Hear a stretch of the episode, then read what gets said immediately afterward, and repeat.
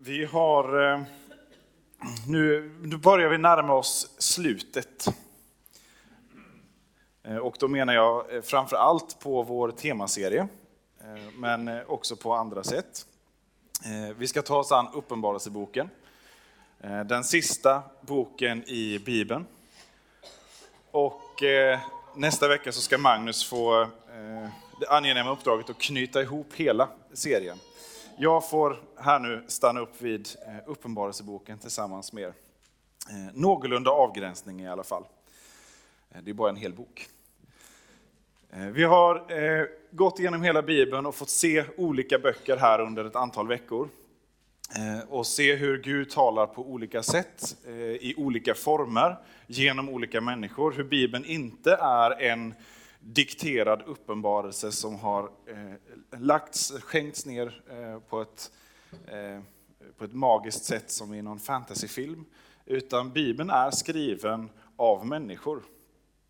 Eh, ibland så eh, kan man få möta den invändningen om man är ute, eh, till exempel pannkakskyrkan eller eh, sådär på stan, och så kommer någon och säger du, visste du att Bibeln faktiskt inte är skriven av Gud, den är skriven av människor? Ja, precis. Eh, för Bibeln är eh, skriven av människor, ledda av Gud. Och ledda så tydligt och så definitivt så att det här är Guds ord som kommer till uttryck. Eh, men det får också vara då i samarbete att språkdräkten varierar både mellan författare och mellan tider. Och ändå så är det Guds ord, Gud som talar. Och Eh, Bibeln själv vittnar om det och kyrkohistorien också om att det här är ett levande ord. Eh, ett ord som, som innebär inte bara att det finns lite smått och gott att hämta, utan det här är ett ord att eh, bygga sitt liv på. Att hoppas på, att leva för och dö för. Människor genom historien och människor idag dör för den här bokens skull. Riskerar sina liv för att få tag i den, för att behålla den och för att eh, bygga sitt liv på den. Och så idag har vi nu Uppenbarelseboken, en av de mest speciella eh, böckerna i Bibeln. Jag vet inte hur många av er som har eh, läst eh, och tänkt då efter, jag menar, när de kom in på fjärde kapitlet så, jag, jag tar en psalm istället. För att det här är en, eh, en bok som, som utmanar och det är alltid när, vi, när jag har konfirmationsläger så kommer alltid uppenbarelsen, uppenbarelseboken fram och, och frågor kring det här. För att det här är, eh, det är en speciell bok och som Malin sa innan, i P1 så pratar man också om den. Eh, den dyker upp lite här och var, inte minst i filmvärlden. Och det är faktiskt så att boken har fått ge namn åt en hel genre. Apokalypsfilmer. Apokalyps är helt enkelt det grekiska eh, ordet för uppenbarelse. Eh, så det är och det som händer, som skildras i den här boken, som har då mycket med tidens slut och katastrofer och undergång att göra. Det har då sen fått ge namn åt filmer och, eh, och verk som, som tar upp det här på olika sätt. Apokalyps. Men det är uppenbarelse, Eh, det är samma ord. Och vad är då den här uppenbarelsen? Jo, det är Johannes, eh, Jesu lärjunge, eh, hans yngsta, troligtvis, som var ung när han började följa Jesus, tonåring. Men här så är han nu en, en gammal man som är märkt av ett liv tillsammans med Jesus, men i det romerska imperiet. Där det har följt förföljelser, både lokalt men också från kejsarens håll. Och nu så är Johannes eh, förvisad till ön Patmos. Han, eh, det är som ett, ett öppet utomhusfängelse kan man säga. Eh, för han har nu under decennier bekänt Jesus som Herre. Kämpat för att Guds ord ska få, få spridas. Han är nu då den enda, troligtvis den enda eh, levande lärjungen fortfarande av de första. Eh, de andra har fått eh, dö för tron under förföljelse på olika ställen.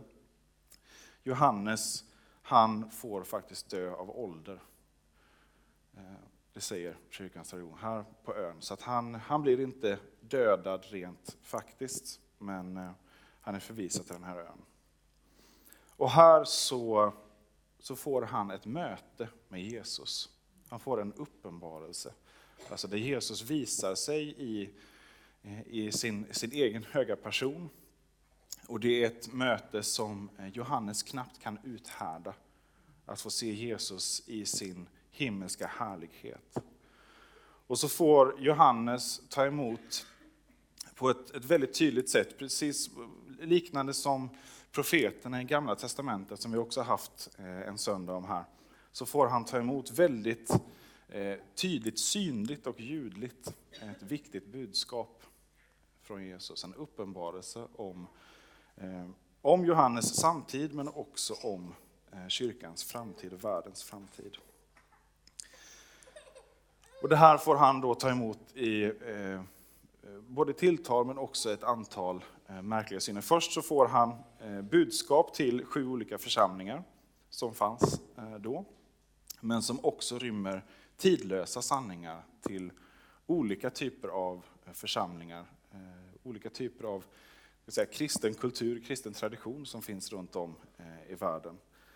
Så att läsa de breven till församlingarna är en ganska omskakande läsning, för det tvingar oss till självrannsakan, både som, som kristna individer men också som, eh, som kyrka. Och sen så, så följer ett antal syner, där Johannes får se in eh, i himlen, och han får se in i framtiden. Gud uppenbarar det här för honom. Och det är här det börjar bli lite, lite rörigt. Eh, det är sigill och bokrullar och det är det är djur som, ja, allt möjligt som, som ser ut på olika sätt. Och, och Johannes han skriver ner, eh, får befallning att skriva ner det han ser. Och sen så eh, talas det om odjur och antikrist. Och eh, många av de här begreppen som, eh, eh som har blivit levande i både populärkultur och, och genom kyrkans historia.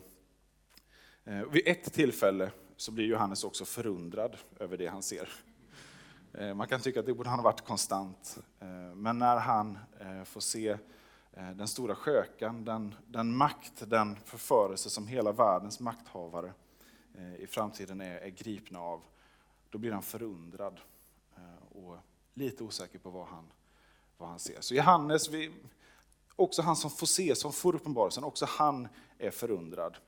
Det kan vara en liten tröst, en klen tröst, när vi läser Uppenbarelseboken. Och man har debatterat och funderat på hur ska vi läsa Uppenbarelseboken? Hur ska vi förstå den här boken?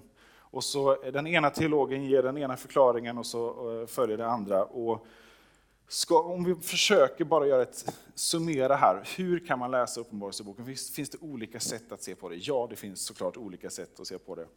Det är teologer som har formulerat det här. Eh, man kan se det tidshistoriskt. Johannes får uppenbarelse om eh, det som händer runt om i det romerska imperiet just då. Vad är det för någonting som ligger bakom skeendena, förföljelser, eh, maktbalans? Vad händer i andevärlden bakom det här? Eh, de får möta förföljelse i omgångar. Johannes har också fått känna på det. Och här så, så blir Uppenbarelseboken ett sätt att visa då att, att Gud har kontroll igenom det här det som ni genomgår just nu.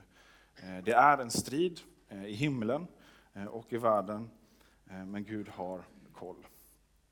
Ett annat sätt som man lagt fram, som, som man tycker Uppenbarelseboken ska läsas, är kyrkohistoriskt. Alltså Uppenbarelseboken ska läsas som en skildring över hela kyrkans tid. Från, eh, från att Jesus kommer och, eh, och sätter igång Jesusrörelsen, kyrkan, och fram tills att tiden tar slut eh, och himmelriket kommer till jorden. Alltså, då är vi mitt i det. Eh, att Uppenbarelseboken är liksom en, en linje över hela kyrkohistorien eh, och rymmer allt där i. Så finns det ett annat sätt, det tredje, idealistiskt. Alltså där, där man inte tänker sig att det här talar om någonting så faktiskt konkret. Det här säger ingenting om Eh, Eh, detaljer om, om eh, historiska skeden eller eh, vi ska inte ta fasta så mycket på, heller på vad som hände under Johannes tid, utan vad, vad finns det för ja, ideal, symbolvärden, viktiga teologiska sanningar och om oss själva, om Gud, ta fasta på. Och inte försöka tolka in så mycket och jämföra med varken historia eller, eller nutid. Och så finns eh, ett fjärde sätt, det futuristiska, alltså framtid. Att det här handlar om den sista, sista lilla biten av tiden. Eh, där som, som Johannes uppenbarligen inte var i när han fick ta emot den här uppenbarelsen. Utan eh, den absoluta framtiden, det sista av, av vår tid. Och det är den läsning som har blivit eh, kanske den mest spridda i Eh, amerikansk eh, eh, vad ska jag säga, frikyrklig evangelikal rörelse och som har präglat delar av EFS och, svensk frikyrklighet mycket. Där man fokuserar på just det. Det här talar om den sista tiden som en, och då tänker man den sista tiden som, som de sista åren innan Jesus kommer tillbaka. Så vem har nu rätt? Alla och ingen, säger jag så har ni fått den åsikten också. Ska du vara sådär tråkigt diplomatisk? Ja, det ska jag. Eh, därför att jag tror att vi som kyrka, vi får ögon för olika saker. Och är det någonting vi är riktigt dåliga på, så är det att vara kyrka i enhet. Vi är en splittrad kyrka, eh, det är någonting som, som vi sörjer. Och därför behöver vi stor ödmjukhet och inse att jag har inte hela bilden. Jag behöver läsa Eh, Bibeln, jag behöver förstå Gud och eh, den kristna tron och mig själv i det, eh, också i ljuset av mina syskon på nära håll och också på långt håll. Jag behöver en stor portion ödmjukhet i det. Och jag tror att det finns element i alla de här olika sätten att läsa Uppenbarelseboken som kan få öppna upp och skapa förståelse. Är det här Guds ord så är det så djupgående och så omfattande så vi kan inte förklara det med en en enkel modell. Eh, och istället ödmjukheten, eh, att få se vad, vad har andra sett i det här och få pröva det eh, själv och tillsammans med, med andra. Men jag tror att liksom Uppenbarelseboken talar om den sista tiden innan Jesus kommer tillbaka, så om vi ska förstå det, så måste vi förstå också vad den säger just här, just nu till dig och mig idag. Jag tror att de här två eh, kategorierna läsare, eh, här och nu och eh, som profetisk, profetiskt budskap om framtiden, det behöver gå hand i hand. Om jag inte förstår vad, vad Gud vill säga till mig idag så kan jag omöjligt förstå och förbereda mig på vad, vad han har att förbereda oss på framöver. Och ska man eh, ge sig in i, i Uppenbarelseboken och, och bena i alla de här olika synerna och sådär, eh, så kräver det tålamod och tid. Att djupstudera, att få, var, kommer språket ifrån? Det är så otroligt många referenser bak till Gamla Testamentets profeter. Eh, det är en livsgärning att förstå Uppenbarelseboken. Vi har haft Hans Weissbrott här tidigare för ganska många år sedan och talat om just det här. Han har åtminstone en del av sin livsgärning ägnat åt det här. Eh, och det finns, finns många fler. Men jag tror att vi kan få, utan att, eh, eh, att lägga eh, år av, eh, av studier på språk och historia, faktiskt också få läsa det här och få det uppenbarat för oss vid en enkel läsning. Men det gäller att vi tar fasta på det som är centralt och inte Eh, fastnar i de spännande eh, men ändå ganska svåra detaljerna runt omkring. Eh, överhuvudtaget en frestelse när vi läser Bibeln, att vi, vi hänger upp oss på detaljer och så missar vi kärnan, huvudbudskapet. Vad är skriftens kärna och stjärna, säger vi i Luthers andra tradition, och det är Kristus. Kristus blir synlig genom hela skriften. Och är det någon som är synlig i Uppenbarelseboken så är det Jesus Kristus. Men ofta dyker han upp i apokalypsfilmer. Ja, då tar man fasta på de här detaljerna och de, eh, det ganska eh, actionfyllda eh, skildringen som finns här igenom. Eh, men vi läser eh, Uppenbarelseboken 5, eh, vers 6-10. Jag såg att mitt för tronen och de fyra varelserna och mitt för de äldste stod ett lamm, och det såg ut att ha blivit slaktat. Det hade sju horn och sju ögon, som är Guds sju andar som har sänts ut över hela jorden. Det gick fram och tog boken ur högra handen på honom som satt på tronen. Och när det tog boken föll de fyra varelserna och de tjugofyra äldste ner inför lammet, var och en med en harpa och en guldskål fylld med rökelse, som är de heligas böner. Och de sjöng en ny sång. Du är värdig att ta boken och bryta dess sigill, till du har blivit slaktad och med ditt blod har du friköpt åt Gud människor av alla stammar och språk och länder och folk. Du har gjort dem till ett kungadöme åt vår Gud, till präster åt honom, och de ska vara kungar på jorden.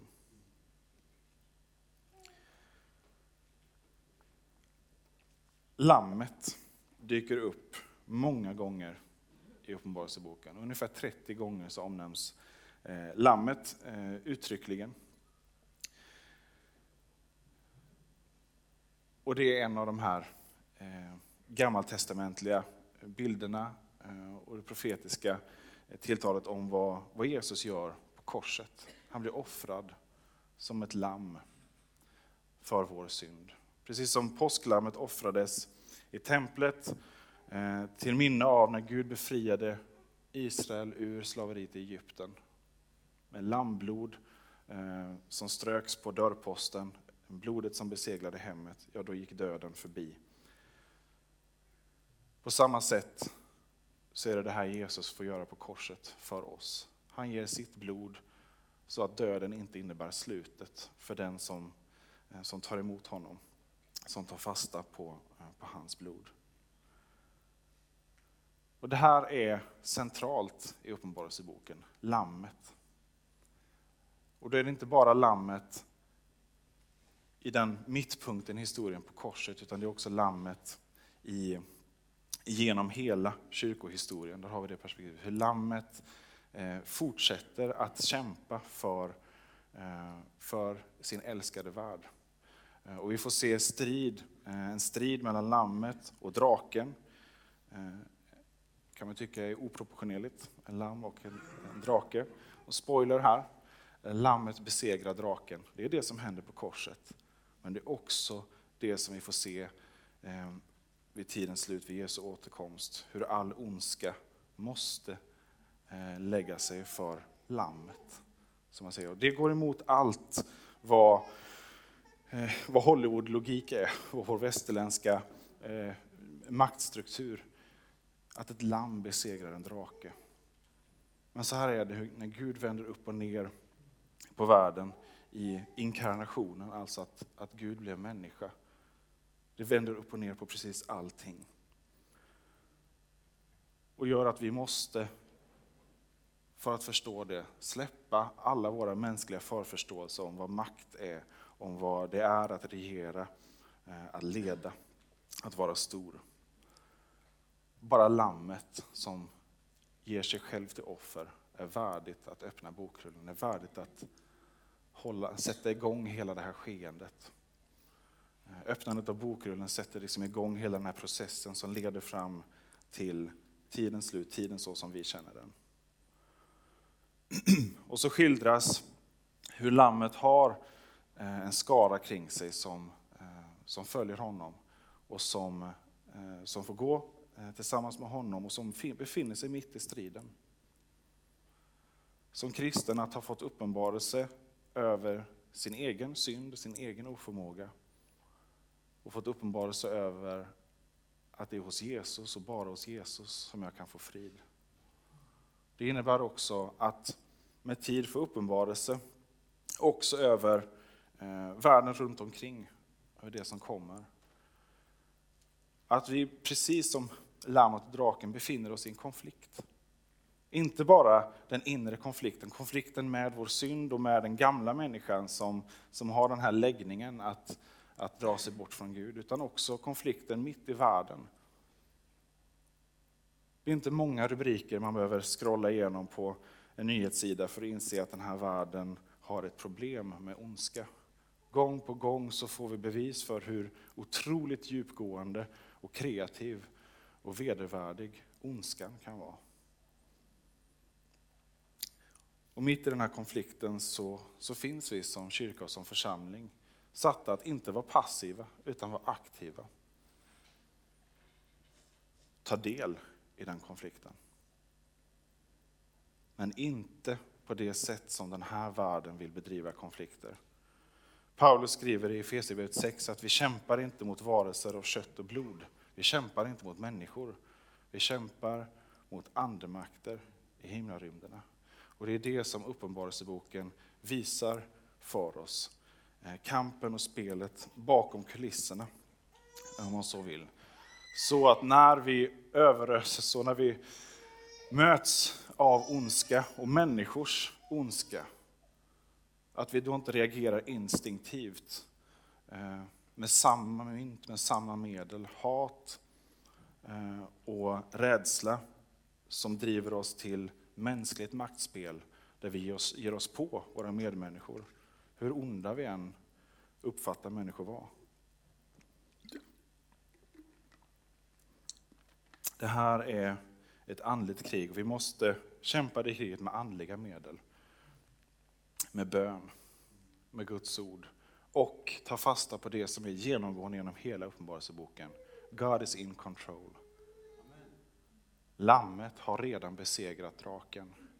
Därför behöver det inte längre vara rädsla som driver oss. Rädsla är en av de största drivkrafterna i vår tid och vårt samhälle, vill jag säga. Eh, vare sig det gäller klimatpolitik eller försvarspolitik eh, eller migrationspolitik. Rädslan är förhärskande. Och den här rädslan finns det bara ett botemedel mot, den fullkomliga kärleken som finns i mötet med Jesus Kristus.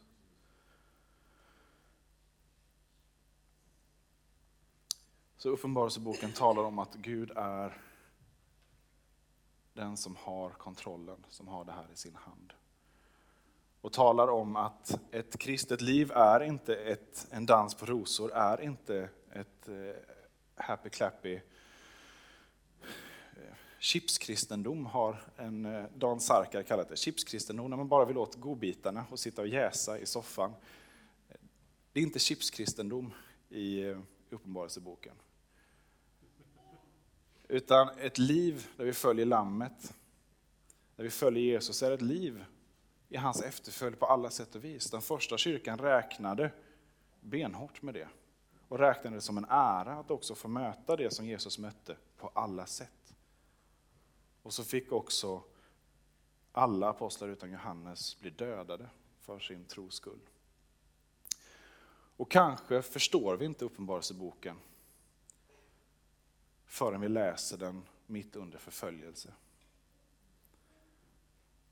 För är det någon gång som Uppenbarelseboken har blivit tummad och läst, precis som Saltaren och evangelierna kan vara lite så här smutsiga här på kanten för att det är de man läser oftast. Så under tider av förföljelse så har kristna verkligen tummat ner Uppenbarelseboken. Eh, Genom hela kyrkohistorien så, så vittnar martyrerna om hur Uppenbarelseboken blir den bok som skänker tröst. Där man ser, ja vi står ju mitt i den här kampen. Eh, och där ondskan som kommer till uttryck genom mänskliga makthavare inte är mänsklig. Den är så eh, genom, genomkorrumperad så den har en annan rot. Och det är inte bara genom historien det är vår närhistoria. I Sovjettiden, fruktansvärd förföljelse. I islamistiska länder idag, en otrolig förföljelse. Och vi har syskon mitt ibland oss i Sverige idag. Iranier, afghaner, somalier som vet vad det här innebär. Som kanske inte har så mycket bibelkunskap, inte så lång erfarenhet av kristen tro. Men som har en överlåtelse till Lammet som vi inte kan jämföra oss med. Därför att det har ställts på sin spets i deras liv och de har sett att det finns ingenting annat, ingenting håller annat än Jesus. Och det är värt att leva sitt liv på men det är också värt att dö på.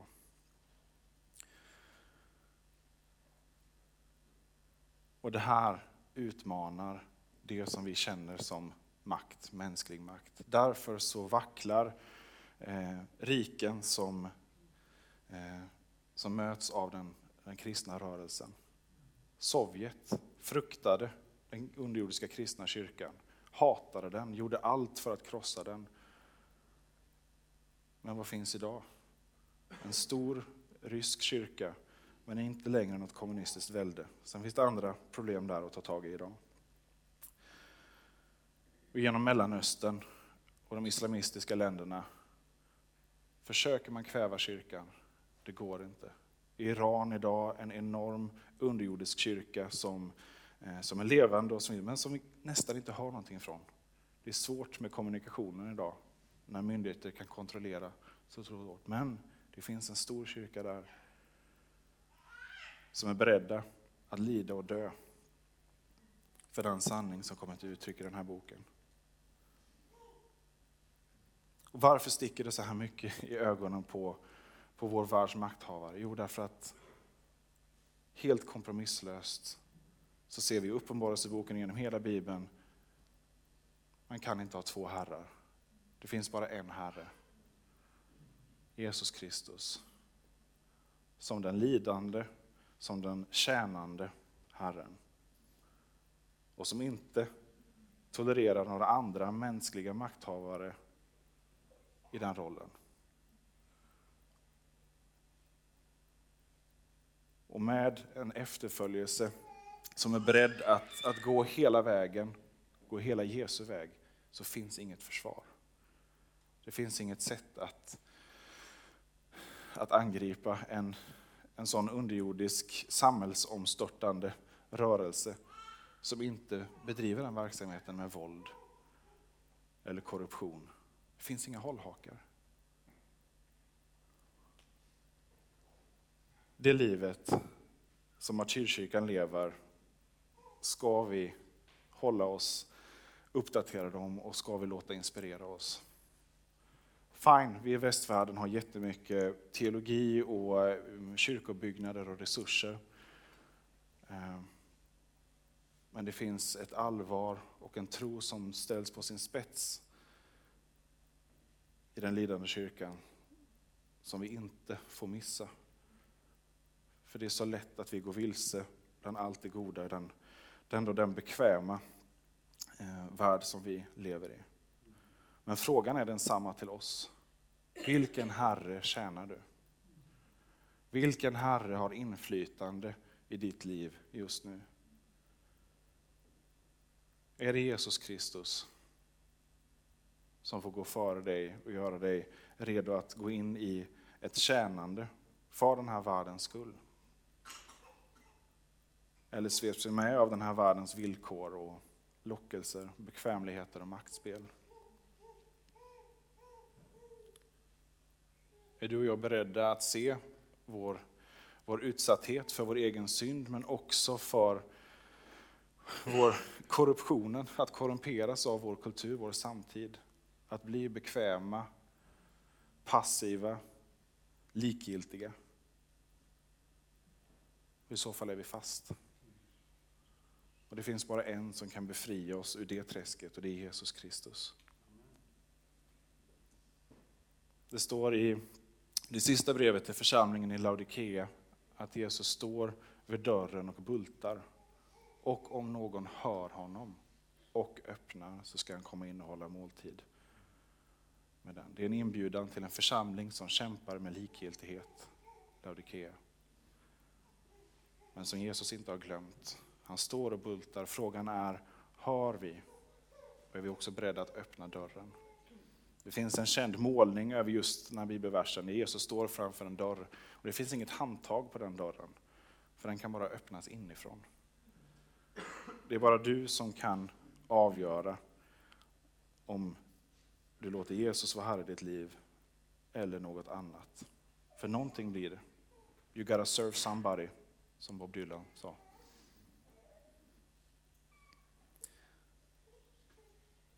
I Jesus, i det offer som Lammet ger, så finns befrielsen från allt det här. Befrielsen från andra herrar som binder oss, befrielse från rädsla, befrielse från likgiltighet. Och det finns nåd och kraft för att gå ett helt liv tillsammans med honom. Ett helt liv som kan förvandla, inte bara romarriket eller Sovjet eller Mellanöstern idag, utan också det Sverige som vi bor i. Och som är vår sak att be för och att kämpa för. Men då behöver vi vara redo att omvända oss. Redo att få ta emot Lammet. Eh, och det ska vi få göra nu. Eh, vi ska få bekänna våra synder och vi ska få ta emot nattvarden. Vi ska få eh, sjunga lovsång tillsammans till Lammet. Vi ska få betjäna varandra i förbön. Eh, Jag bara avsluta med att läsa eh, ett par versar ur slutet av Uppenbarelseboken.